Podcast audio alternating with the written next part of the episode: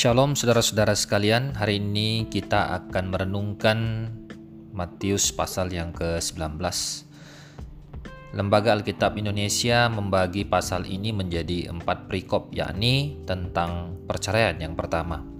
Di sini kita bisa melihat bagaimana orang Farisi mencoba Yesus dengan mengajukan pertanyaan, apakah diperbolehkan orang menceraikan istrinya? Yesus dengan tegas menjawab bahwa apa yang telah dipersatukan Allah tidak boleh tidak boleh diceraikan manusia. Itu artinya Yesus tidak menyetujui perceraian. Lalu berikutnya adalah perikop tentang Yesus memberkati anak-anak. Kalau kita membaca seluruh perikop ini, maka kita bisa menjumpai bahwa Yesus sangat mengasihi anak-anak, secara khusus anak kecil. Oleh karena itu, kita juga sebagai murid-murid Yesus, kita juga harus mengasihi anak-anak sama seperti Yesus. Dan pelayanan anak itu tidak boleh menjadi pelayanan nomor dua, tapi pelayanan anak juga harus menjadi prioritas bagi kita. Nah, secara khusus bagi Bapak Ibu saudara-saudara yang memiliki anak, jadikan juga anak-anak menjadi prioritas di dalam keluarga. Yang ketiga adalah tentang orang muda yang kaya, yang sebentar lagi kita akan membahas secara mendalam tentang perikop ini. Dan perikop yang terakhir adalah tentang upah mengikut Yesus, di mana Petrus bertanya, "Kami sudah meninggalkan segala sesuatu. Apa yang kami dapatkan?" Tuhan Yesus memberikan upah yang sepadan atas segala perbuatan kita selama di dunia. Tentunya hal ini memberikan semangat bagi kita yang mengasihi dan melayani Tuhan. Nah, kita akan membahas bersama-sama di dalam perikop orang kaya muda. Di dalam pasal yang ke-19 ayat 16 sampai 26.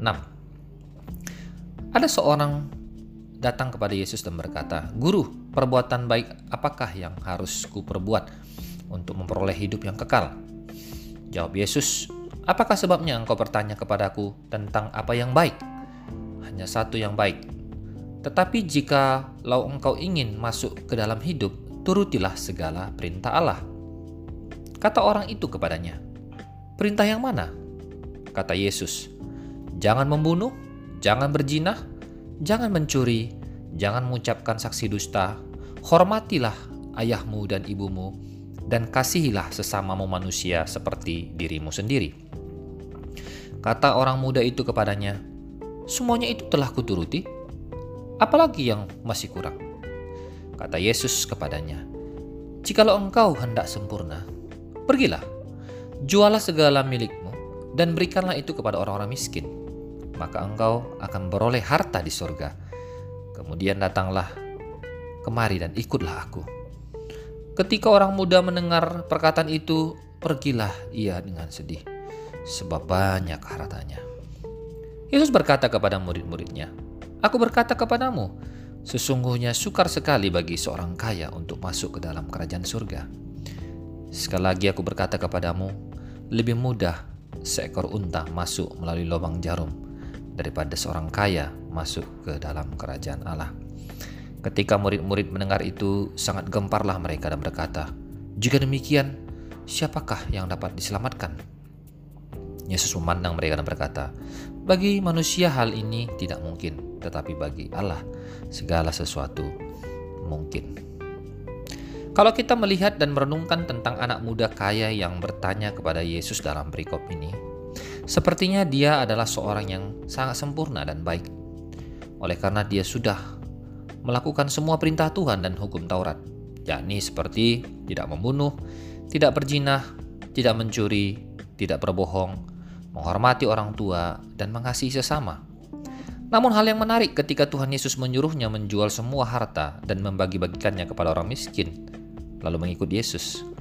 Orang muda ini sedih, pergi dan tak sanggup melakukannya. Mungkin oleh karena hartanya yang sangat banyak. Apa yang bisa kita pelajari dari cerita ini?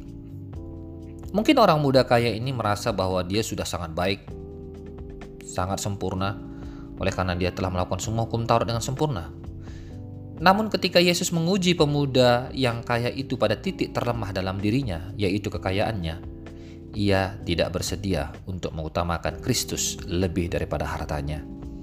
Tuhan Yesus adalah Allah yang Maha Tahu, yang mengetahui secara mendalam hati setiap manusia, termasuk hati saudara dan saya. Allah tahu apa yang paling kita cintai di dunia ini. Mungkin mulut bibir kita mengatakan bahwa kita mencintai Yesus. Namun Allah tahu kedalaman hati kita yang sesungguhnya. Oleh karena itu, tidak ada hal yang bisa kita sembunyikan di hadapan Tuhan, dan kita akan bertanggung jawab di hadapannya. Kita perlu setiap saat menguji hati kita, apakah kita memang sudah benar-benar mencintai Tuhan dengan segenap hati, jiwa, akal budi, dan dengan segenap kekuatan kita. Apakah kita rela melepaskan hal-hal yang kita cintai di dunia ini? Apakah ada hal-hal yang kita cintai yang melebihi cinta kita kepada Yesus. Seperti halnya orang kaya yang tidak berani melepaskan kecintaannya kepada harta yang ia miliki. Apakah kita masih sama dengan orang muda ini yang kaya? Atau kita memilih seperti murid-murid Yesus? Kalau kita membaca di dalam Matius pasal yang ke-19 ayat 27 ayat yang selanjutnya, di situ Petrus berkata, bahwa dia telah meninggalkan segala sesuatu dan mengikut Yesus. Memang ada percakapan dan pertanyaan Petrus mengenai apa yang mereka akan dapatkan, upah apa. Dan Yesus menjelaskan upah apa yang mereka dapatkan ketika mereka berani berkorban, meninggalkan segala sesuatu dan mengikut Yesus. Saudara-saudara, mari kita belajar.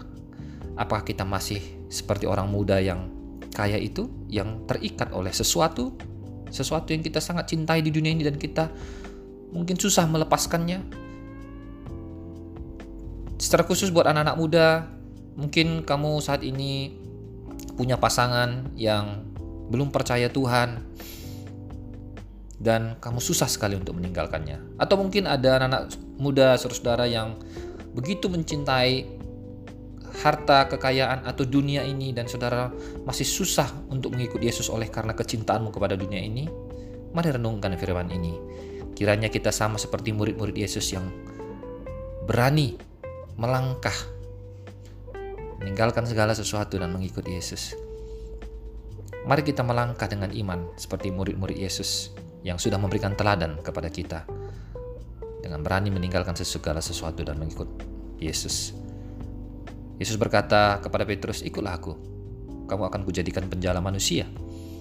Dan Petrus merespon dan mengikut Yesus. Dan kita melihat bagaimana Petrus bisa menjadi teladan bagi kita. Kiranya firman Tuhan ini memberkati setiap kita. Tuhan Yesus memberkati. Shalom.